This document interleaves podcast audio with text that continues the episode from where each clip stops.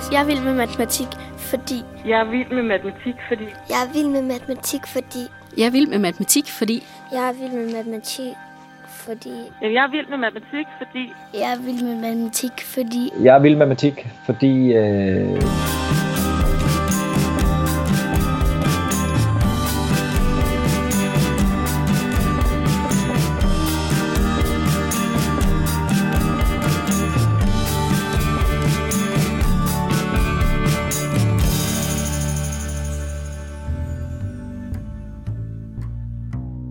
Hvis du vil med matematik, så kan du bestemt godt spidse ører i denne udgave af Alinias podcast Didakter. Jeg hedder Anders Schunk, og jeg har fået fornøjelsen af at præsentere vores lyttere for årets udgave af Matematik-magasinet Vild med Matematik. Og hvorfor hedder magasinet mon sådan? Det er fordi, vi er ret vilde med matematik selv. Det er ansvarshavende redaktør på Vild med Matematik, Trine Hornemann, der her taler. Og vi ved, at der er rigtig mange lærere, der også er vilde med matematik og optaget af det. Og vi vil gerne gøre eleverne vilde med matematik. Og jeg har sat mig sammen med Trine Hornemann for at få hende til at guide os igennem nogle af artiklerne i det 50-siders tykke matematik-magasin. Og en af de første artikler, vi kommer ind på, handler om en lærer, der især er ret vild med matematik. Ja, vi har interviewet øh, Dorte Vestergaard Hansen, og øh, hun er matematiklærer ude på øh, Søborg Skole.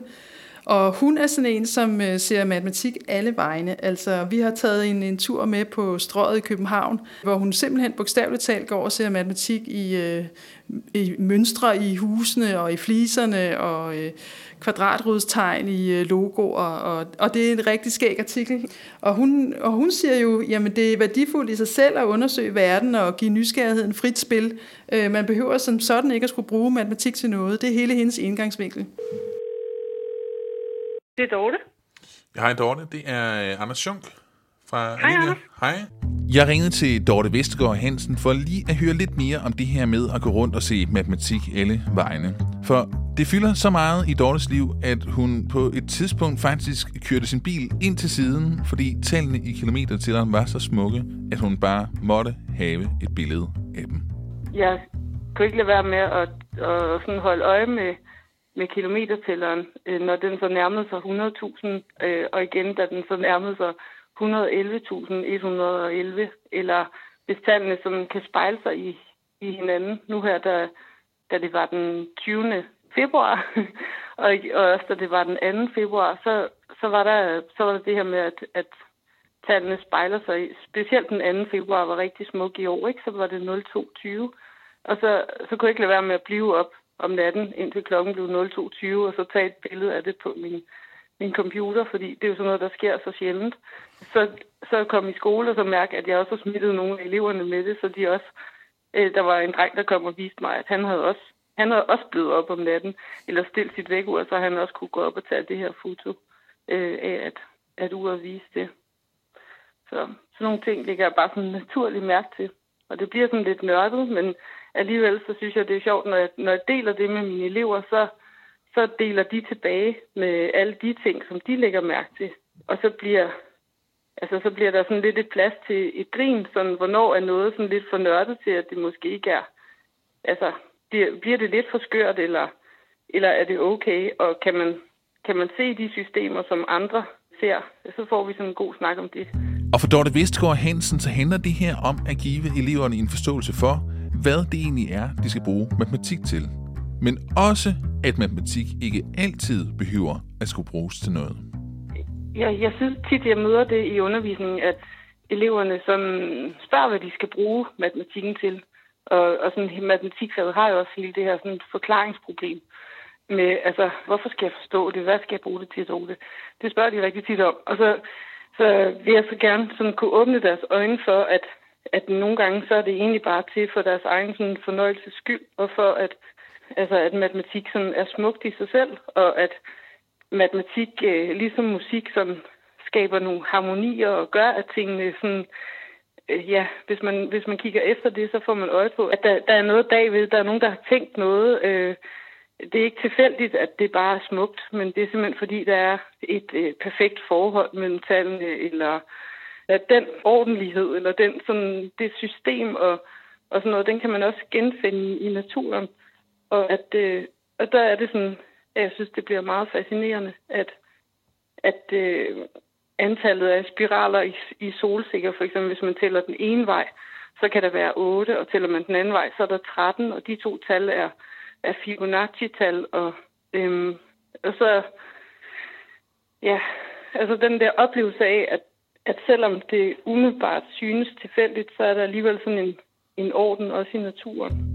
Der er meget mere fra Dorte Vestergaard Hansen i Matematikmagasinet Vild med Matematik, hvor vi også har en artikel med lektor i matematik og psykologi, Michael Val Andersen. Ja, vi har interviewet Michael Val Andersen. Her er vi tilbage ved ansvarshavende redaktør Trine Hornemann. Og han arbejder med, øh, hvordan hjernen fungerer og hvordan elever lærer den arbejdende hukommelse. Grundlæggende er en forudsætning, at for at, for at kunne lære, så er man nødt til at have gang i den arbejdende hukommelse, altså den del af hjernen, der lærer.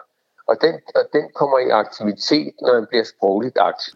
Her er det lektor i matematik og psykologi på Københavns Professionshøjskole, Michael Val Andersen. Øh, en af mine, sådan, den gode gamle Vygotsky, han sagde det der med, at tænkning og sprog hænger sammen, men han var lidt mere sofistikeret. Han sagde, at tænkningen forløber i sproget. Så det er i og med, at du får mulighed for at være sprogligt aktiv, at tænkning har mulighed for at ske. Og i Matematikmagasinet fortsætter det tema med et portræt af Annette Søndergaard. Hvem er Annette Søndergaard? Annette Søndergaard, hun øh, underviser i matematik på 3. klassetrin, og også matematikvejleder på Mølleskolen i Ry. Og hun arbejder også meget med sproget og dialogen. Hun er meget optaget af, at eleverne de skal sætte ord på matematikken ret tidligt fra de små klasser, øh, fordi det gælder om at vende dem til det, og vende dem til, at de kan dele tanker, og det ikke er pinligt. Fordi så siger hun, jamen, så hjælper det så meget mere i udskolingen. Så har de lavet en kultur, hvor, hvor det er okay at tale, og også at tale om det, man ikke kan finde ud af. Hun fortæller om, hvordan man i hendes timer kan række begge hænder i vejret. Den ene for at, at fortælle om resultatet, og den anden for bare egentlig at forklare, hvad man har tænkt. Så det er en måde at, at få dem til at snakke om matematikken, og hvad de tænker om det. Mm. Jamen altså, vi har sådan en idé om, at hvis man nu rækker en hånd op, så er det sådan den traditionelle matematikundervisning, at læreren har stillet et spørgsmål, og man giver bare et svar. Her er det Annette Søndergaard fra Mølleskolen i Ry, der taler. Men i min klasse, der rækker man to hænder op, fordi den ene hånd, det er til at give svaret, og den anden, det er til at forklare sig ud af, hvad er det, man har tænkt. Jamen, jeg kan sådan huske fra da jeg var ung lærer, at, at det kunne godt gøre børn forskrækket, at jeg jo havde stillet et spørgsmål, og så tænkte de, at de skulle bare sige, hvad det gav. Og så sagde jeg bare, Nå, men hvordan fandt du ud af det? Så sådan for at de mentalt indstiller sig på, at det forventer jeg også af dem, så, øh, så kan de lige have begge hænder op. Mm. Og jeg er også sådan, at hvis de kun har en hånd op, og det er den, der giver svaret, så, så kræver jeg heller ikke, at de skal forklare. Altså det er kun, hvis de har to hænder op, fordi så er de parat til at forklare. Og hvordan det her med at have en eller to hænder oppe egentlig fungerer, det kan vi få Annette Søndergaards elever fra Mølleskolen i Ry til at forklare. Her er det Cecilie fra 3. klasse. Ja, hvis man nu havde en hånd op, så øh, hvis det så gav 12, øh, så er det 12 det med trætabellen. Hvis det nu var øh, 4, 4 gange 3, så, øhm, så tager man øh, 4 gange af trætabellen. Det giver så 12. Så har man to hænder op fordi man har forklaret, hvordan man gjorde det.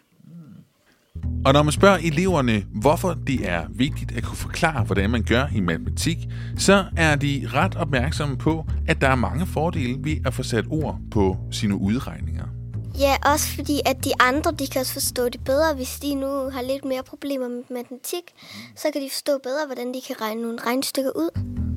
Her var det igen Cecilie fra 3. klasse, og hendes klassekammerat Ditte fortsætter når man selv skal forklare det, så tror jeg, at man sådan tænker, måske det var en ret god måde, jeg gjorde det på. Mm. Eller sådan, det der med, jeg tror, man bliver bedre til at forklare, hvad man gør. Mm. Og så forstår man det bedre? Ja. Og Hanna fra 3. klasse slutter med at foreslå, hvorfor det er, at hendes lærer Annette så gerne vil have de her forklaringer i timerne. Måske fordi, at så kan hun bedre forstå, hvordan det er ind i vores hjerner, når at, øhm, vi regner det ud. Og lige så vel som det er vigtigt at få talt i løbet af timen, så bidrager en god opsamling sidst i timen også til elevernes forståelse. Det er næsten det allervigtigste, at man får samlet op. Og så tænker jeg også, at ved at man får samlet op, så får man også sådan ligesom alle.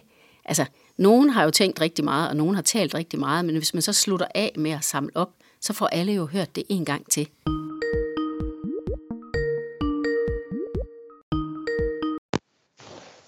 Det er Anders, hallo. Det er Jacob. Hej Jacob. Kan du høre mig? Ja, det kan jeg. Der er fin lyd. Det er godt.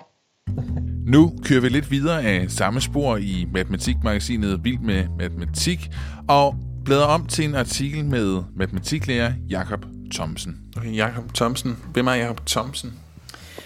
Jakob Thomsen han er lærer øh, nede på Campus Køge, og øh, han underviser 10. klasse i matematik og bruger undersøgende matematik til at gøre alt fra lineære funktioner til geometri forståeligt.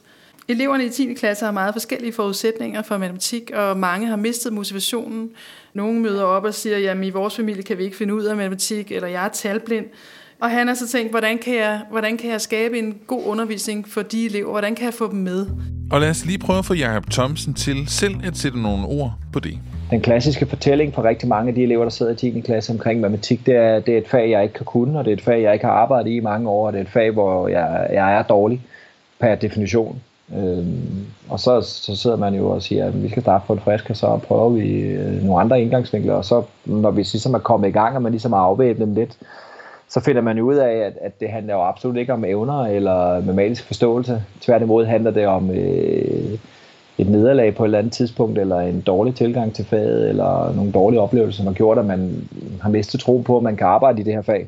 Og det, det er jo rigtig mange af dem, som i løbet af et stykke tid hurtigt finder ud af, at nå ja, det, jeg kan faktisk godt, og, og genvinder troen på det. Og så bygger man jo stille og roligt på det derfra. Så der er rigtig mange, som synes, de har flyttet sig rigtig meget i det år, man har gået i 10. klasse. Øh, men det handler jo reelt set om, at de måske bare har flyttet deres øjne på, på, på dem selv i forhold til, hvordan man arbejder i faget matematik. Ikke? Og for Jakob Thomsen, der handler det også om at få eleverne til at kunne sætte ord på matematikken og fortælle, hvordan de er nået frem til deres resultater. Jamen, altså for mig handler det jo om, at, at den måde, jeg er vokset op med matematik, jo, det var jo sådan lidt mere den klassiske skole, hvor man siger, hvor det jo resultatet var ligesom det alt overvejende og alt overskyggende. Øh, kan du komme frem til resultatet, så har du løst opgaven. Hvor, hvor jeg synes jo et eller andet sted, at den måde, øh, vi arbejder på og, og, og kigger på det, at, at det er jo rejsen hen til resultatet, der ligesom er den matematiske forståelse, og det er der, hvor hele aha-oplevelsen ligger. At hvor man, hvis man kan få eleverne til at ligesom stoppe op og reflektere og, og tænke over, hvad er, det, hvad er det, der gør, at vi kommer frem til et resultat. Både med hvad for en strategi, de har anvendt, eller hvad for en metode, at de her ting, ligesom kan vælge og wow og forklare, hvorfor man har taget de her valg. Men så opdager eleverne rigtig ofte, at det er det, som matematikken betyder i den her opgave, eller et eller andet sted, og så er det jo ikke kan man sige, resultat i sig selv, som, som er det alt overvejende, og det er også tit der, hvor, hvor forskrækkelsen ligger, ikke? fordi, åh oh nej, hvad nu, hvis jeg regner forkert? Ja, det, det gør ikke så meget. Det kunne være, at du har taget nogle fornuftige valg hen ad vejen, og så har du lavet en lille fejl. Den kan vi altid rette, men du har faktisk forstået matematikken, fordi du har brugt de rigtige strategier eller de rigtige metoder, men du har selvfølgelig skrevet forkert eller gjort et eller andet et eller andet sted, men det kan vi rette, men du har forstået pointen i hele opgaven jo. Og det flytter rigtig ofte, synes jeg, eleverne ved at, ligesom at flytte deres fokus fra, hvad er det egentlig, det handler om. Ikke?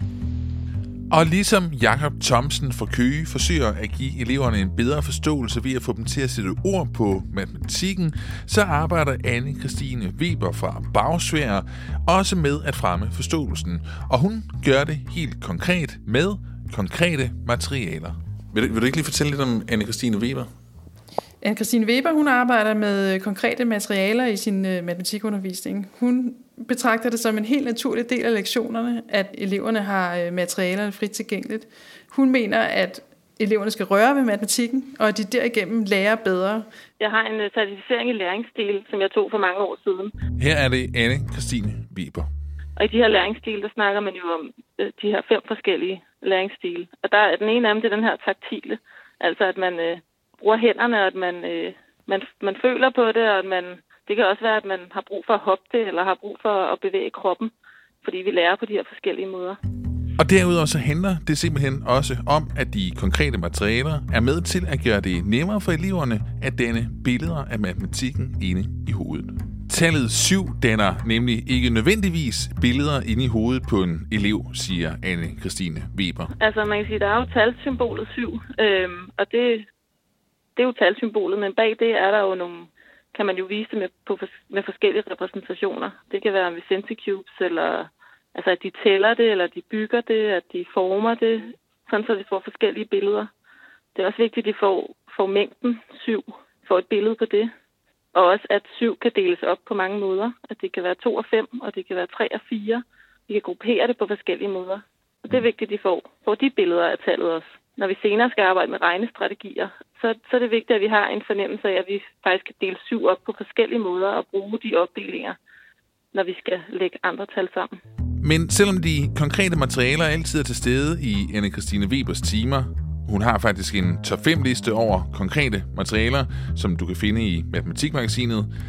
Selvom de er altid til stede, så er en del af strategien med at bruge de konkrete materialer, og også at eleverne hele tiden lærer, hvordan de slipper dem igen, så de ikke bliver afhængige af at bruge materialer, hver gang de skal regne. Det er rigtig øh, godt at kunne, øh, kunne bruge de her materialer til, øh, for eksempel hvis vi skal i gang med et nyt emne.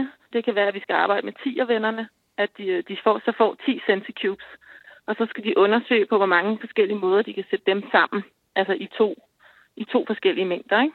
På den her måde så undersøger de så, hvor mange forskellige 10 venner kan vi finde frem til. Så der, det kunne være sådan en intro til, til et emne, hvor vi bruger de her konkrete materialer.